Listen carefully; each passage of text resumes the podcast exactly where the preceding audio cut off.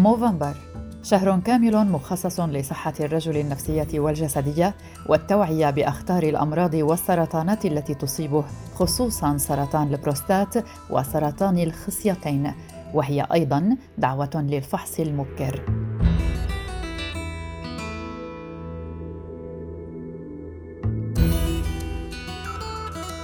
أهلا بكم في حلقة اليوم من بودكاست في 20 دقيقة. سنحاول تسليط الضوء على الأسباب التي دعت للبدء بهذه المبادرة مبادرة موفمبر حول العالم.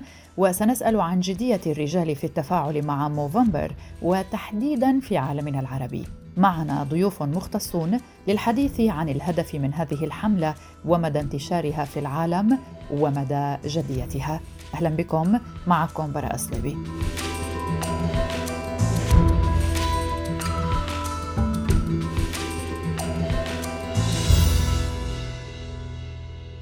ما هو موفمبر؟ كلمة أو عبارة موفمبر مكونة من مقطعين وهي عبارة عن دمج لكلمتين وهي شهر نوفمبر وكلمة شوارب في الإنجليزية موستاش في بداية كل شهر نوفمبر تشرين الثاني يطلق الرجال العنان لشواربهم لكن هذا الأمر ليس مواكبة أو مجاراة للموضة بل في إشارة رمزية لوقوفهم أي الرجال جنبا إلى جنب لرفع الوعي حول صحتهم والحفاظ عليها وذلك من خلال حملة أطلق عليها اسم موفمبر يقوم فيها الرجال بإطلاق شواربهم والالتزام بكافة الفحوصات الطبية اللازمة إلى جانب التبرع لهذه الحملة. شعار هذه المبادرة هو الشارب أحد رموز الرجوله المعروفة عالميا. مثل شعار الشريط الوردي لمكافحة سرطان الثدي لدى النساء التي يتخذن من شهر أكتوبر تشرين الأول شهرا لحملتهن. أما عن تاريخ هذه الحملة فقد كانت بدايتها متواضعة جدا حيث كان الصديقين ترافس جارون ولوكس لاتري في جلسة عفوية بأحد حانات مدينة مولبورن الأسترالية يتجاذبان الحديث ومن ضمن ما دار بينهما هو الحديث عن موضة الشارب التي كانت حاضرة وبقوة فيما مضى ولكن في عام 2003 لم تعد موجودة. تمازحا حول إعادة هذه الموضة إلى الحياة مجددا. ترافيس جارون ولوكس لاتري كانا أيضا متأثران بأم صديق لهما التي كانت تقوم بحملة لجمع التبرعات لسرطان الثدي فقرروا إجراء حملة تتمحور حول صحة الرجل الصحيه والجسدية خصوصا حول سرطان البروستاتا. قاموا بتصميم شعار الحملة وهو عبارة عن شارب واقترحا بأن يقوما بإطلاق شاربيهما.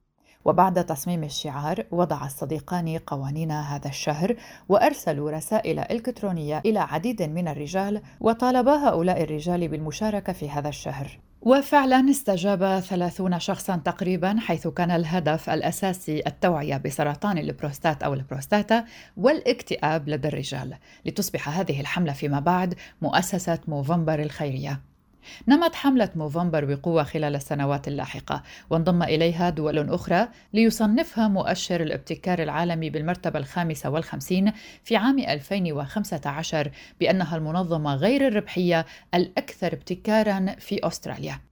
صنفت أيضا على أنها علامة مميزة في مؤتمر الأعمال والتسويق حسب The Gathering والذي يجمع العديد من الماركات التجارية العالمية مثل مارفلز و Range Rover وهذه السمة التي حصلت عليها موفمبر كانت في سياق تقدير الحملات التي قامت بها سابقا وقدرتها على تسليط الضوء على المشاكل الصحية التي تواجه الرجال. اليوم يدعم حملة موفمبر عشرون دولة حول العالم بمؤسساتها الطبية إضافة إلى أكثر من ستة ملايين وخمسمائة ألف متبرع منذ إنشائها. ساهموا جميعا بتمويل 1250 مشروعا طبي يهتم بصحة الرجل منذ نشأتها في 2003 الجدير بالذكر هنا أنه لا يوجد أي دولة عربية من ضمن الدول العشرين تشارك بشكل فعلي في حملات جمع التبرعات وفي حملات موفمبر حقيقة. ماذا يفعل الرجال في موفمبر؟ إن جميع رجال العالم مطالبين في شهر نوفمبر المشاركة في التوعية لهذا الشهر من خلال تغيير مظهرهم وإطلاق شواربهم. أيضا الحديث بالطبع عن السبب من وراء هذه الحملة مما يحفز الآخرين على بدء المحادثات للاستفسار أكثر حول أمر موفمبر. وبالتالي الحديث حول سرطان البروستاتا والخصية بالإضافة إلى صحة الرجل النفسية إلى جانب المشاركة في النشاطات الرياضية وبما أن الحملة تهدف إلى التوعية بسرطان البروستاتا والخصيتين سألنا ضيفنا دكتور غازي الجربي أستاذ مبرز في جراحة الأورام ورئيس جمعية نوران للوقاية من السرطان والرئيس الطبي لمصلحة حنبعل الدولية في تونس. سألناه ما الفرق بين هذين السرطانين وكيف يمكن التقصي المبكر عنهما؟ سنبدأ مع سرطان البروستاتا. هذوما زوج سرطانات بتاع الرجال المعروف عن سرطان البروستاتا اللي هو سرطان يمس نسبة كبيرة من الرجال وهو معتبر على حسب المنظمة العالمية للصحة كرابع سرطان في العالم. والسرطان هذايا الخاصية متاعه أنه يتفاقم العدد متاعه وإمكانية الإصابة متاعه ابتداء من سن 50 سنة قد ما الرجال تقدم في العمر قد ما فما الإمكانية بظهور سرطان البروستاتا التقصي المبكر لسرطان البروستاتا هو معناتها موضوع محير للأطباء المختصين. خاطر نعرفوا اللي قد ما الإنسان يتقدم في السن قد ما البروستاتا مهددة بالظهور السرطان هذا. وكي نبحثوا نجموا نلقاو السرطان والإنسان اللي هو مريض ما عنده حتى علم ودراية اللي عنده سرطان بروستاتا. سرطان بروستاتا زاد معروف عنه اللي هو ما هو السرطان سريع التطور في أغلب الحالات ونجموا نقوموا باكتشافه مبكرا بتحليل هو ال PSA التحليل هذا نقوم به ابتداء من خمسين سنة كل سنة. تحليل سهل تحليل دموي يعطينا نتيجة. إذا كان لقينا النسبة عالية على حسب السن معناتها فما شكوك كبيرة في وجود سرطان. ونقوم بكشف بالصدى وبال MR وبعد ناخذ عينة اللي هي تنجم تأكد وجوده ولا عدم وجوده. بالطبيعة إذا كان الإنسان يشكي من تقلقات في التبول هذا زاد يستدعيه باش يمشي يقوم بعيادة عن طبيب مختص. ونعرفوا اللي زاد اللي تقدم السن عند الرجل فما ظهور أمراض آه، اللي هي حميدة اللي هو تضخم في البروستاتا اللي هو benign واسمه adénome. وهذا ينجم يخلي الأطباء لتسهيل التبول يعطيوا أدوية ولا إذا كان البروستاتا مضخمة كثير. يقوموا بعملية جراحية بالمنظار لتحويل الورم هذا. ولهذا المرض السرطاني هذا بتاع البروستاتا نقولوا إذا كان الإنسان ما عندوش أرقام مرتفعة جدا بتاع ال PSA وما عندوش أعراض كثيرة نجموا نعالجوه بصفة تدريجية. على خاطر كما قلنا ينجم الإنسان يتعايش مع تقدم السن وينجم ونقولوا زاد اللي البحوث اظهرت اللي 80% من الرجال اللي فوق 80 سنة عندهم سرطان البروستاتا. إذا شرح لنا الدكتور غازي كيفية التقصي بالنسبة لسرطان البروستاتا، فماذا عن سرطان الخصيتين؟ آه، سرطان الخصيتين هو سرطان يمس شريحة عمرية عادة متاع الكهل وهذه السرطان هو موش موجود بكثرة. ما فماش تشخيص مبكر. إذا كان الإنسان رأى تضخم في الخصية يمشي يقوم بكشف. وفما زادة فما قابلية للرجال اللي ما كانتش موجودة الخصية في مكانها وكانت داخلية معناتها في البطن وما قامش هو صغير بعملية لتنزيل الخصية تكون عنده عرضة أكثر شوية من إنسان عادي من رجل عادي لظهور السرطان هذا. لكن هل الرجل يبادر بالذهاب للفحص المبكر وفي حال اكتشف السرطان ما هي طرق العلاج؟ سرطان الخصية الراجل ما يتوقعش اللي ينجم يجيه مرض من بالشراسة هذه في الخصية متاعه كي يرى تضخم في الخصية يحشم باش يحكي عليه ويقعد ينتظر مع أمل كونه الخصية ترجع للحجم العادي متاعها وبعد ذاك علاش نشوفوا عند بعض الرجال حالات متقدمة مع انتشارات خاصة للغدد اللمفاوية في البطن. ولهذا نحن نقول خاصة يكون كهل إذا كان فما تضخم مش عادي ولات ال consistance التركيبة نتاع الخصية تكون حجرية شوية هذه مش أمور مش عادية لازمك تمشي تقوم بكشف. بالنسبة للبروستاتا نقولوا إذا كان فما صعوبة في التبول خاصة بعد 45 50 سنة يلزم الكشف. والنصيحة بالنسبة للتقصي المبكر هو القيام بالتحليل هذايا نتاع ال PSA اللي نجم ورينا رقم مرتفع والرقم هذا يخلينا نمشيو ونقوموا بأخذ عينة والعينة هذه إذا كان أظهرت وجود سرطان نقيموا الخطر نتاعو ونعرفوا إذا كان فما إمكانية علاج من الأول بسيطة في المراحل الأولية وبعد إذا كان لا سمح الله السرطان انتشر وعنده قابلية للانتشار خاصة للعظم.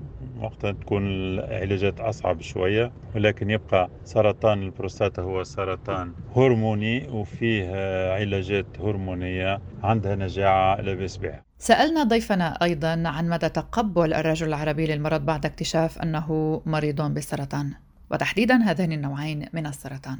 أصعب قابلية بالنسبة للراجل خاصة العربي هو سرطان الثدي. هو سرطان الخصية سرطان يصعب بالنسبة للراجل باش يحكي عليه. أما سرطان الثدي حاجة ما يتوقعهاش وهو السرطان موجود لكنه نادر. يمثل تقريبا ما بين 0.5 إلى 1% من مجمل سرطانات الثدي معناتها تقريبا على 200 امرأة مصابة بسرطان الثدي فما راجل يصاب بهذا السرطان. الأعراض متاعه هي تشبه الأعراض المرأة معناتها ظهور كتلة في الثدي مش عادية ولا تغيير في الجلد متاع الثدي ولا ظهور غدة لمفاوية منتفخة في الإباط. وهذا معناتها يخلي الراجل إذا كان لقى السيمبتوم هذا معناتها يلزمه يمشي يقوم كشف مش كما سرطان الثدي عند المرأة سرطان الراجل.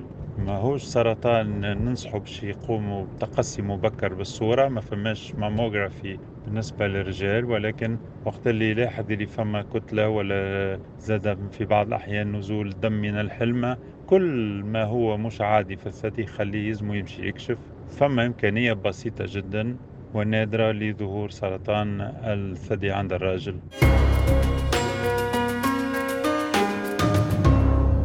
من مصر معنا أيضا ضيفتنا إسراء أحمد طالبة في كلية طب المنصورة والمسؤولة عن حقوق الصحة الإنجابية والجنسية في الجمعية العلمية لطلاب طب المنصورة.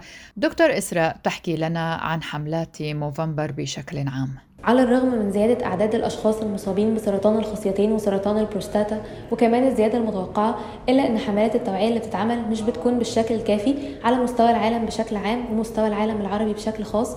كمان لما حملات التوعية دي بتتعمل مش بتلاقي التغطية الإعلامية الكافية فمش بتوصل لأكبر عدد ممكن.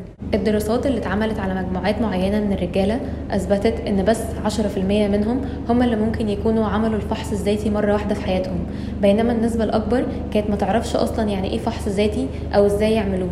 علشان كده دور حملات التوعية مهم جدا ومهم إن هي تكون بشكل أكبر وأوسع علشان توصل لأكبر عدد ممكن تعرفهم إيه هي أنواع السرطانات دي إيه هي أعراضها إزاي يعملوا فحص ذاتي كمان أهمية الفحص الدوري عند الطبيب المختص علشان يوصلوا للكشف المبكر اللي بيعتبر أساس العلاج الناجح. في عشرين دقيقة مع براء صليبي ومن ضمن أهم ركائز الصحة لدى الرجال تركز حملة موفمبر على الاضطرابات النفسية حيث ينتحر رجل كل دقيقة حول العالم. فبحسب منظمة الصحة العالمية يبلغ نصيب الدول المنخفضة والمتوسطة الدخل 75% من حوادث الانتحار على مستوى العالم. ويعد الانتحار ثاني أسباب الوفاة للفئة العمرية التي تتراوح بين 15 إلى 29 عاماً.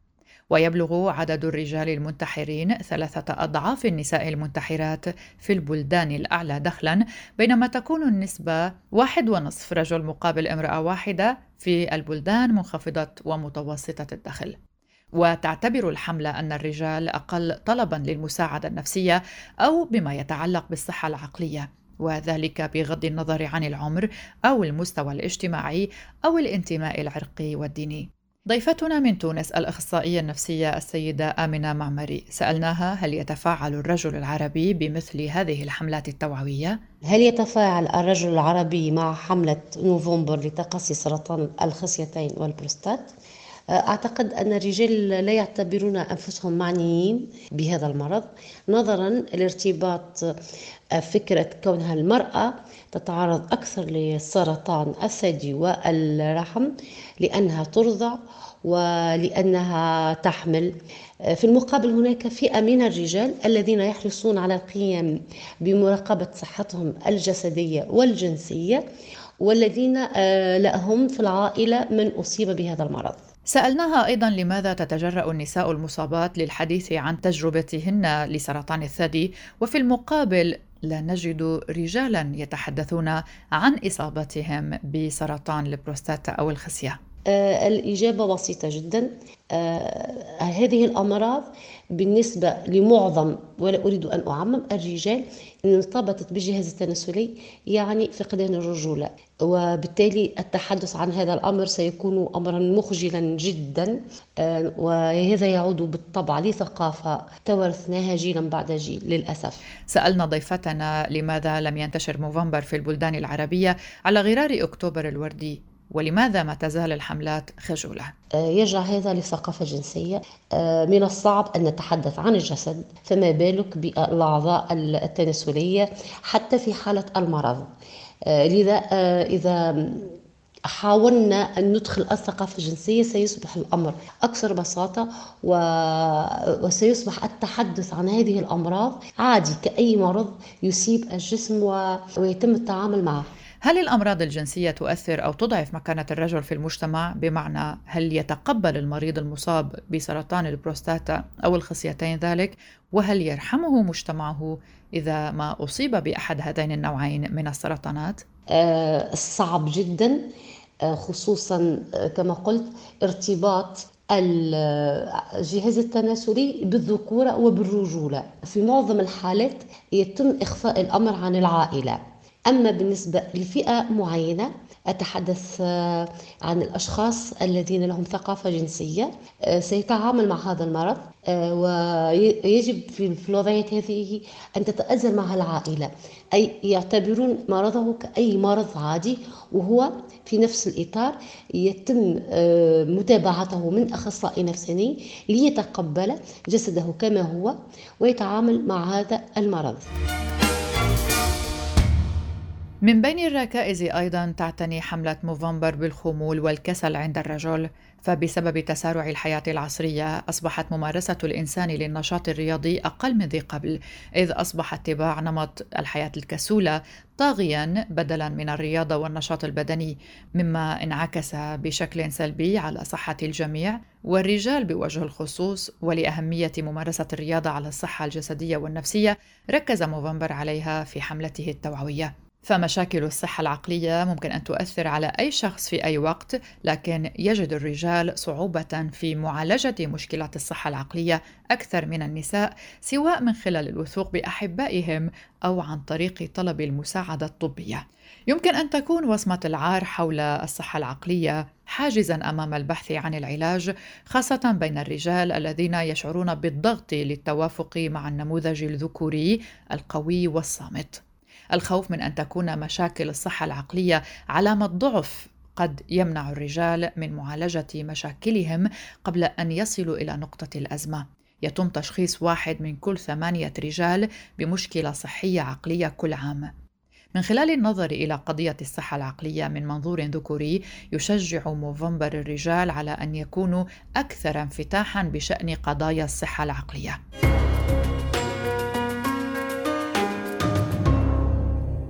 قامت موفمبر بتمويل عدد من مبادرات الصحة النفسية الدولية بما في ذلك تعزيز الصحة العقلية والرفاهية مع الرجال والفتيان وبرامج لدعم المزارعين والمحاربين القدماء. وخصصت الأحداث الخيرية لرفع الوعي الاجتماعي والمادي بقضايا الرجل الصحية في كل من أستراليا ونيوزيلندا فالعائدات المادية ستعود على الهيئة الأسترالية لسرطان البروستاتا وجمعية السرطان والصحة الذهنية في نيوزيلندا أما في كندا وتحديدا في سنة 2007 أطلقت الهيئة أحداثا هناك وأعادت الأرباح المادية لصالح هيئة أبحاث سرطان البروستاتا في كندا وإسبانيا والمملكة المتحدة وفي الولايات المتحدة أيضا. في عام 2008 بدأت Movember Foundation بإطلاق الحدث في جمهورية إيرلندا وكان المستفيد من الحدث هو فعالية سرطان البروستاتا وهي مبادرة من جمعية السرطان الإيرلندية. ولا تزال حملات موفمبر تشجع الناس للاشتراك بفعاليات الحدث لتقديم دعمهم المادي لأي جهة خيرية يظنون أنها تستحق دعمهم. في عام 2009 قام لاعبو فريق لعبة الرجبي في أستراليا باستعراض للشوارب خلال سلسلة اختبارات الكهولة. الحملة التي بدأت في ملبورن بأستراليا قبل قرابة العشر سنوات ازدادت شعبيتها بشكل كبير وألهمت أكثر من 2 مليون متطوع ومتطوعة للمشاركة في هذه الحملة. فمن خلال مشاركة خمسة ملايين عضو فاعل نجحت الجمعية بجمع 600 مليون دولار وتمويل ألف برنامج طبي وأكاديمي مختص بسرطان البروستات أو سرطان الخصيتين.